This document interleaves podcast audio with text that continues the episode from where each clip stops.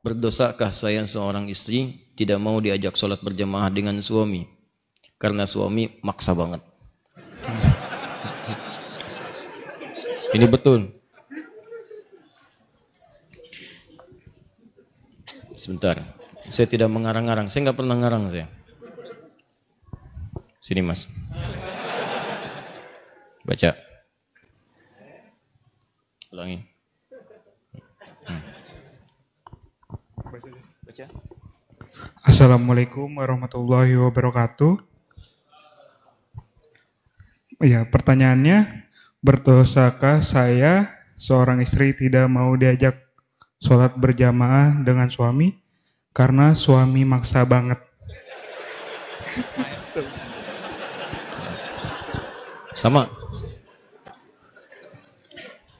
Ya. Dia istri antum yang tanya. Baik.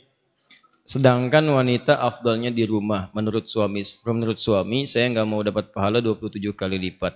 Apakah wanita tidak dapat 27 kali lipat kalau tidak sholat di masjid? Semoga Allah muliakan anda, suami anda dan keluarga anda. Dan semoga Allah menghimpun anda sekeluarga di surga dengan kebaikan insya Allah. Terima kasih atas pertanyaannya. Yang pertama, coba kita pahami sebentar. Ini ada dua kasus di sini. Pertama, kasus istri taat pada suami yang kedua, kasus sholat berjamaah bagi perempuan, apakah di masjid atau yang utama di rumah. Saya mulai dari yang pertama dulu. Ibu, ibu, ibu, ibu, para istri bertakwalah kepada Allah Subhanahu wa taala seperti suami pun dituntut bertakwa kepada Allah dengan menjaga pasangannya masing-masing dan memuliakan keduanya dengan niat ibadah kepada Allah Subhanahu wa taala. Buka Al-Qur'an surah keempat An-Nisa dengan namanya perempuan-perempuan ayat 34 paling kiri sebelah atas di mushaf. Saya langsung ke pertengahan ayatnya atau saya bacakan dari awal supaya tidak timpang maknanya. Ar-rijalu qawwamuna 'alan nisa bima faddalallahu ba'dahum 'ala ba'din wa bima anfaqu min amwalihim. Sekarang fokus untuk perempuan. Fassalihatu qanitatun hafizatun lil ghaibi bima hafizallah. Kata Allah, saya langsung ke bagian perempuan untuk terjemahannya. Ciri istri yang salihah itu utamanya ada dua. Utamanya ada dua. Satu qanitatun, taat kepada Allah Subhanahu wa taala dengan cara menaati suaminya pada yang baik-baik. Jadi kalau suami meminta kepada yang baik-baik, itu istri wajib taat. Sepanjang kebaikan itu dibenarkan oleh Allah. Sepanjang kebaikan itu dibenarkan oleh Allah. Misal, mama sayang pakai jilbab ya, siapa? Ma sayang malam tahajud yuk, insya Allah. Mama ke taklim ya, insya Allah. Walaupun papa ke kantor, mama berangkat aja ikut tahsin, insya Allah. Itu kalau perempuan bisa seperti itu, akan ada satu ganjaran yang sangat luar biasa, bahkan sulit didapatkan oleh laki-laki. Hadisnya disebutkan dalam hadis At-Tirmidzi. Itu indah sekali pemberian Allahnya. Nah, apa yang disebutkan dalam hadis ini, itu yang nanti kita bacakan setelah menunaikan sholat isya berjamaah. Ya, karena sudah masuk waktu isya, kita segerakan menunaikan sholat terlebih dahulu. Subhanakallahumma bihamdika asyhadu an la ilaha illa anta astaghfiruka wa atubu ilaik. Assalamualaikum warahmatullahi wabarakatuh. Alhamdulillah. Assalatu wassalamu ala rasulillah wa ala alihi wa sahbihi wa man walah wa ba'd. Saudara-saudariku dan wirsa di mana pun anda berada, Alhamdulillah kita telah menunaikan salat isya berjamaah. Kita bermohon pada Allah semoga salat kita diterima oleh Allah Subhanahu wa taala. Demikian kami mengajak kepada yang belum menunaikan salat isya di wilayah mana pun di dunia, semoga Allah memberikan ketetapan hati, kekuatan jiwa untuk menunaikan salat isya dengan penuh kekhusyuan dan kita berdoa kepada Allah, semoga malam ini Allah mengampuni dosa-dosa kita, dosa saudara-saudari kita, para pelaku maksiat, semoga dibimbing untuk bertobat dan kembali ke jalan yang diridhai Allah Subhanahu wa taala. Dan mudah-mudahan Allah membersihkan hati kita dari segala hal yang kotor dan melapangkan jiwa kita dari penyakit-penyakit hati yang meracuni serta membebaskan kita dari perasaan-perasaan, kegelisahan dan hal-hal yang dilarang oleh agama. Baik kita lanjutkan Pertanyaan tadi yang disampaikan terakhir sebelum kita menunaikan salat Isya bahwa ada dua persoalan status tentang perempuan istri yang menaati suami kemudian yang kedua tentang hukum salat berjamaah bagi perempuan khususnya di masjid seperti pertanyaan yang telah disampaikan yang pertama tadi telah kita uraikan dalam Al-Quran surah keempat An-Nisa ayat 34 bahwa ciri perempuan istri yang salihah di antaranya punya sifat qanitat, taat kepada Allah ya dengan cara menaati suami pada hal yang dipandang baik oleh Allah Subhanahu wa taala. Maka jika ini terjadi disebutkan kemudian dalam hadis-hadis sahih disebutkan oleh Imam Ahmad dalam kitabnya bagian pertama halaman 191 juga dalam sahih Ibnu Hibban. Ibnu Hibban nomor hadis 1296 ya disampaikan kemudian idza sallatil mar'atu salataha. Ya idza sallatil mar'atu salataha. Di riwayat lain idza sallatil mar'atu khamsaha. Wa samat samaha. Wa hafizat farjaha wa ata'at zawjaha qila laha yaumal qiyamati. Di riwayat lain tanpa yaumal qiyamah qila laha udkhulil jannata min haitsu syi'ti. Di riwayat lain udkhulil jannata haitsu syi'ti. Baik jika ada seorang istri seorang perempuan kemudian mengerjakan empat hal dalam hidupnya. Yang pertama dia menunaikan sholat fardu saja yang lima tidak pernah sholat sunnah selama hidupnya. Fardu, fardu, fardu, fardu, fardu, lima waktu. Ya, rumusnya dua empat, empat tiga empat, dua subuh, empat zuhur, empat asar, tiga maghrib, empat isya. Tujuh belas rakaat. Kemudian wasamat somaha, dia hanya menunaikan puasa Ramadan saja selama hidupnya. Dari balik sampai dengan menikah, sampai wafat, Ramadan, Ramadan, Ramadan, Ramadan. Tidak pernah puasa sunnah. Senin tidak, Kamis tidak, Ayamul Bid tidak, puasa Daud juga tidak. Tapi kemudian wahafizat farjaha, dia menjaga kehormatan dirinya, tidak selingkuh, jaga diri, jaga kehormatan rumah tangga. Kemudian wa ata'at zaujaha, ini yang istimewa. Dia menaati suaminya. Taat pada suaminya pada segala hal yang baik-baik. Yang tadi saya sampaikan. Diminta berjilbab, jilbab, minta ta'lim, ta'lim, minta baca Quran, Quran, minta belajar, dia belajar.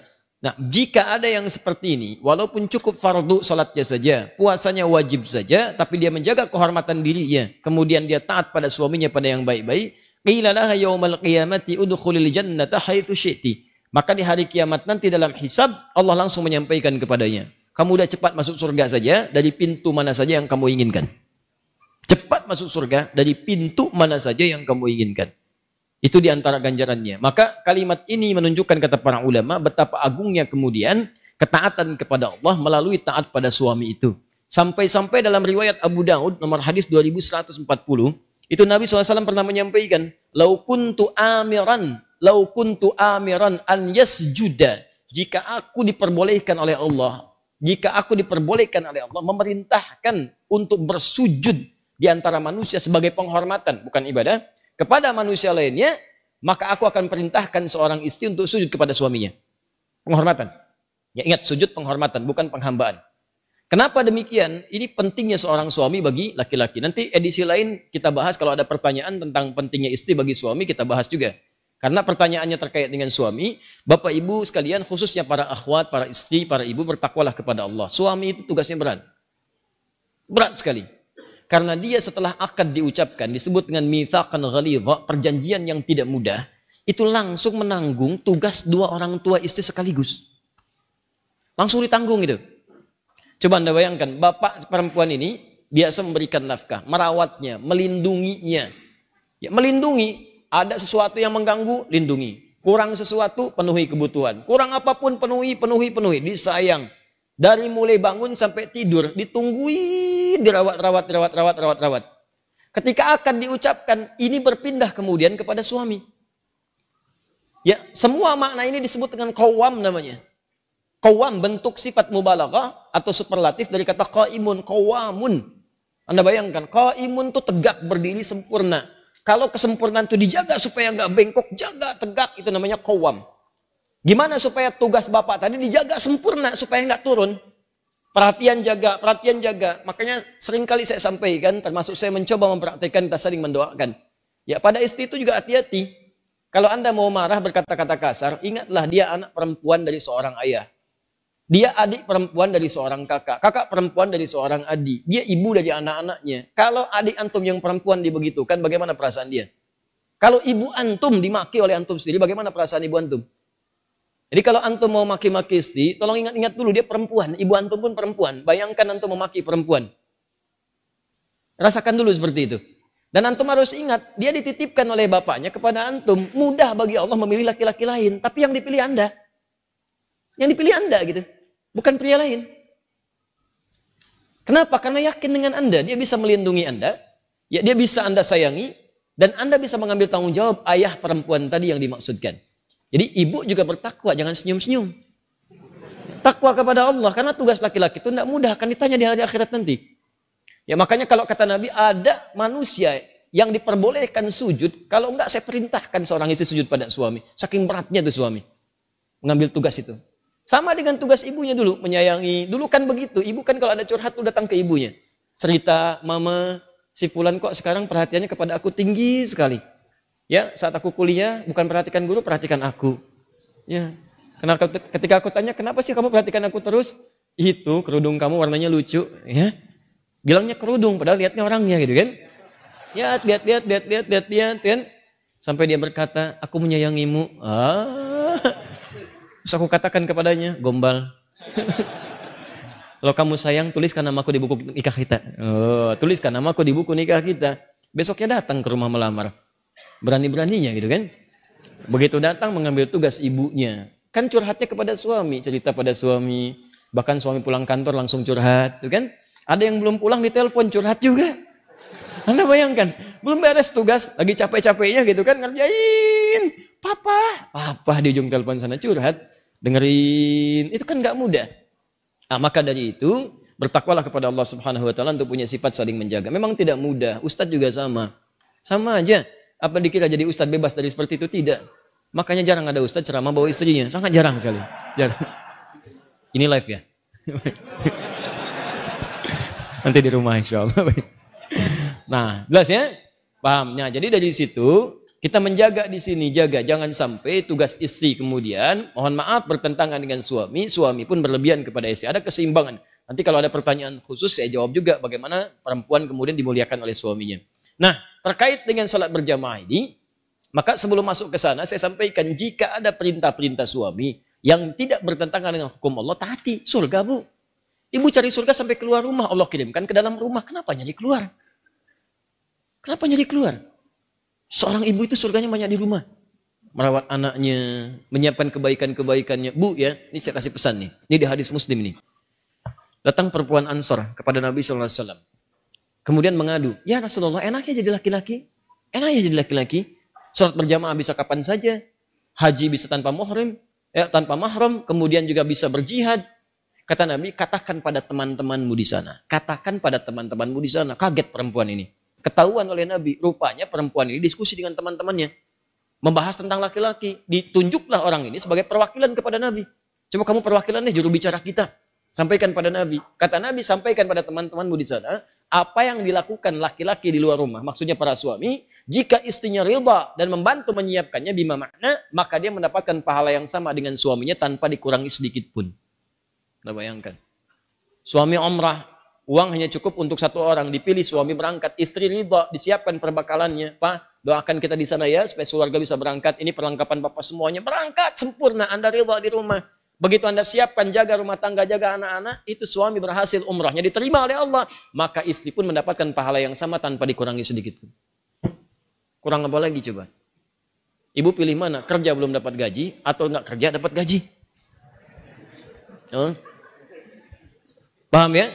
Nah, sekarang maksud saya kalau ada ketaatan-ketaatan yang baik menurut Allah, maka segera kerjakan. Kedua, bagaimana hukum seorang perempuan kemudian ingin sholat di masjid? Ingin sholat di masjid. Betul yang tadi ibu sampaikan yang dituliskan bahwa perempuan itu afdolnya sholatnya di rumah. Tapi harus dilihat kapan hadis itu muncul. Karena ada hadis juga yang menyarankan bahkan memotivasi perempuan sholat ke masjid. Yang tadi disampaikan itu ada riwayat-riwayatnya teman-teman sekalian. Di hadis Ahmad ada, di Abu Daud ada, itu dari Ummu Salamah radhiyallahu taala anha. Ya, afdalu masajidin nisa qa'ru buyutihinna. Ya, keutamaan atau khairu masajidin nisa. Masjidnya perempuan itu yang terbaik itu qa'ru buyutihinna di tengah-tengah rumahnya, di dalam ruangan rumahnya. Bahkan di hadis lain, di kamar itu lebih bagus. Ya, kemudian daripada di ruang tengah. Ruang tengah lebih bagus daripada di depan rumah. Artinya semakin ke dalam, semakin ke dalam, semakin di rumah, itulah masjid terbaik bagi perempuan. Kapan hadis itu muncul? Ketika perempuan itu belum aman untuk ke masjid. Awal-awal dibangun masjid di Madinah, baik itu masjid Nabi yang kedua dibangun setelah Kuba, kemudian orang-orang pada ke masjid, pada ke masjid, maka terjadilah tiga sifat yang jika ada tiga sifat ini perempuan dianjurkan di rumah. Dan nilainya sama dengan laki-laki ke masjid. Apa tiga sifat ini? Pertama, ada kewajiban yang berlaku bagi perempuan di dalam rumahnya. Sehingga prioritas dia di rumah bukan ke masjid. Misal, dia baru punya anak yang diberikan ASI atau anak yang harus dirawat yang kalau dibawa ke masjid justru bisa memberikan gangguan kepada orang sholat yang lain dan bisa mengurangi rasa khusyuk. Rewelnya, belum disiapkannya, belum dikondisikan. Orang-orang dulu ngajak anak ke masjid itu sebelum berlangsung sholat sudah diperkenalkan dengan masjid. Misal sholat zuhur sekarang misalnya, misalnya jam 12 kurang 10. Maka Anda jam 11 datang, jam 10 kenalkan masjid, lihatin ini tempat untuk khutbahnya, ini mimbarnya, ini sab-sab sholatnya, ini sholat seperti ini, seperti ini, seperti ini. Lihatin, kalau anak-anak itu wajar, memang anak-anak. Anak-anak wajar. Kalau jalan, kalau lari, kalau macam-macam, biarkan dulu aja masuk dia, biarkan masuk. Lari-lari di masjid, lewat sana sini setelah dia mulai agak nyaman, baru sampaikan, ini rumah Allah. Allah yang sayang pada papa, yang memberikan rezeki, memberikan kau main-mainan, membuat kita nyaman hidup. Uh, Allah itu sayang. Rumah Allah beda dengan rumah kita. Masuk ke kaki kanan. Ucapkan ini. Kalau kakak ucapkan ini, nanti tobotnya bisa ditambah. Masuk, ucapkan, masukkan kaki kanan, berangkat rapi dia. Begitu sudah mulai agak baik, ajaklah kemudian dalam sholat berjamaah, rapi dia. Dalam sholat dia rapi, setelah sholat lari, biarkan aja namanya anak-anak. Yang repot itu kalau ada orang tua kekanak-kanakan, habis sholat lari-larian. Itu yang repot. Kakek-kakek habis sholat main prosotan di situ, baru kita repot di situ. Kalau anak-anak ya biarkan aja namanya anak-anak. Naik ke punggung biarkan. Anda sholat sunnah dia naik biarkan, nggak apa-apa, nggak usah repot dengan itu. Ini orang tua sekarang repotnya. Mohon maaf di rumah, disuruh ke masjidnya bukan untuk sholat, malah disuruh main. Kalian ini rame aja di rumah, main sana ke masjid. Ya main dia di masjid. Jelas ya? Nah, maka itu poin untuk pentingnya. Maka yang pertama, kalau ada tugas perempuan di dalam rumah, memang hanya perempuan yang bisa mengatasi, maka yang afdol itu di rumah, jangan paksakan ke masjid. Suami dorong ke masjid, anak laki-lakinya dorong ke masjid. Ah, dorong ke masjid, investasikan. Ayo anak ke masjid, ke masjid, ke masjid, ke masjid. Ke masjid, dorong. Antum yang perempuan di rumah. Nah, itu afdolnya. Yang kedua, jika kemudian di jalan itu belum aman dari fitnah. Ini terjadi di zaman Nabi awal-awal dibangun Masjid Nabawi itu. Bahkan jangankan ke masjid. Malam-malam itu suka buang hajat, tidak ada toilet. Yang ada itu kebun-kebun, di kebun-kebun kurma macam-macam. Perempuan-perempuan juga demikian. Begitu keluar sering diganggu oleh preman-preman Madinah. Awal-awal di Madinah itu ada preman. Ada, kemudian tobat. Jadi kalau ada preman sekarang telat. Kalau nggak tobat keterlaluan. Orang jahiliyah, tobat, preman, tobat, telat. Kalau sekarang ada preman tidak tobat. Ya Alhamdulillah, Alhamdulillah. Kemarin-kemarin saya lihat ada banyak yang baik-baik. Saya waktu mengisi untuk persiapan Ramadan itu Masya Allah ada teman-teman dari Pang Sahabat-sahabat pang, oh, Masya Allah tampilan badannya macam-macamnya. Tapi Masya Allah tobat mereka. Begitu bertobat, bertobat hal pertama yang mereka lakukan adalah mengganti namanya. Dari pang menjadi pengajian. Ya, pang jadi pengajian. Tobat, tobat, tobat. Nah itu diganggu perempuan-perempuan itu. Sering diusilin. Sampai bahkan turun ayat tentang jilbab. Ya ayuhan nabi kulli azwajika wa banatika wa nisa'il mu'minin yudnina min jalabibihinna. Hei Nabi katakan pada istrimu, anak-anak perempuanmu dan perempuan-perempuan yang beriman sampaikan pada mereka, rendahkan jilbab-jilbab mereka. Ya, asa an yu'rafna fala yu'dzain sehingga mereka bisa dikenali dan tidak diganggu lagi. Turun ayat ini, turun tentang ayat merendahkan jilbab. Setelah itu masyarakat masyarakat menyebar menyebar menyebar menyebar. Nah, yang ketiga, memang tidak ada tempat khusus untuk perempuan. Adanya laki-laki saja. Jadi kalau masuk ke sana dia khawatirkan ikhtilau. Itu yang berbahaya. Maka setelah itulah kemudian dalam tiga kondisi ini perempuan diminta oleh Nabi di rumah, di rumah, di rumah, lebih baik di rumah, jangan ke masjid. Setelah kemudian tenang, preman-preman mulai tobat, keadaan mulai tenang, dan masjid mulai luas, mulai luas, mulai luas, mulai luas. Maka muncullah hadis-hadis di Al-Bukhari, di Muslim, bagaimana Sayyidah Aisyah mengatakan kalau kami subuh-subuh itu banyak perempuan-perempuan datang ke masjid, kemudian dengan selimut-selimut mereka tutupi sehingga nggak kelihatan karena gelap. Zaman Nabi kan nggak ada lampu seperti ini, ya nggak ada lampu seperti ini, kelihatan. Jadi begitu sudah mulai remang-remang mereka meninggalkan, sudah cepat lari. Salam, balik ke rumah. Salam, balik ke rumah. Itu tandanya sudah ada sab, yang rapi, aman di jalannya, kemudian di rumahnya pun tidak ada tugas yang menuntut perempuan ada di rumah. Maka kalau kondisinya aman seperti itu, terbebas dari tiga hal yang demikian, maka hukum ke masjid itu utamanya sama dengan laki-laki diutamakan. Apalagi kalau suami yang ngajak, bagus itu. Mama ayo ke masjid, sapnya ada. Seperti di sini di Alexandra, perempuan ada, laki-laki ada. Ke masjid jalan, subuh berangkat sama-sama. Kalau bisa sekeluarga, Supaya keluarga itu bisa kenal dengan masjid. Anak-anaknya di bawah berangkat semua. Oh bu enak tuh pulang-pulang. Masya Allah selesai jalan lagi. Jalan sehat semuanya. Ya jalannya bagus. Keluarganya juga kumpul, sama-sama menuju akhirat yang baik. Demikianlah apa yang dimaksudkan tadi. Hadisnya ada, keterangannya jelas. Jadi tempatkanlah hadis sesuai dengan makna dan konteksnya. Paham dengan baik ya? Baik. Jadi insya Allah setelah ini tidak ada pemaksaan lagi. Suaminya cukup baik, istrinya juga mengerti insya Allah.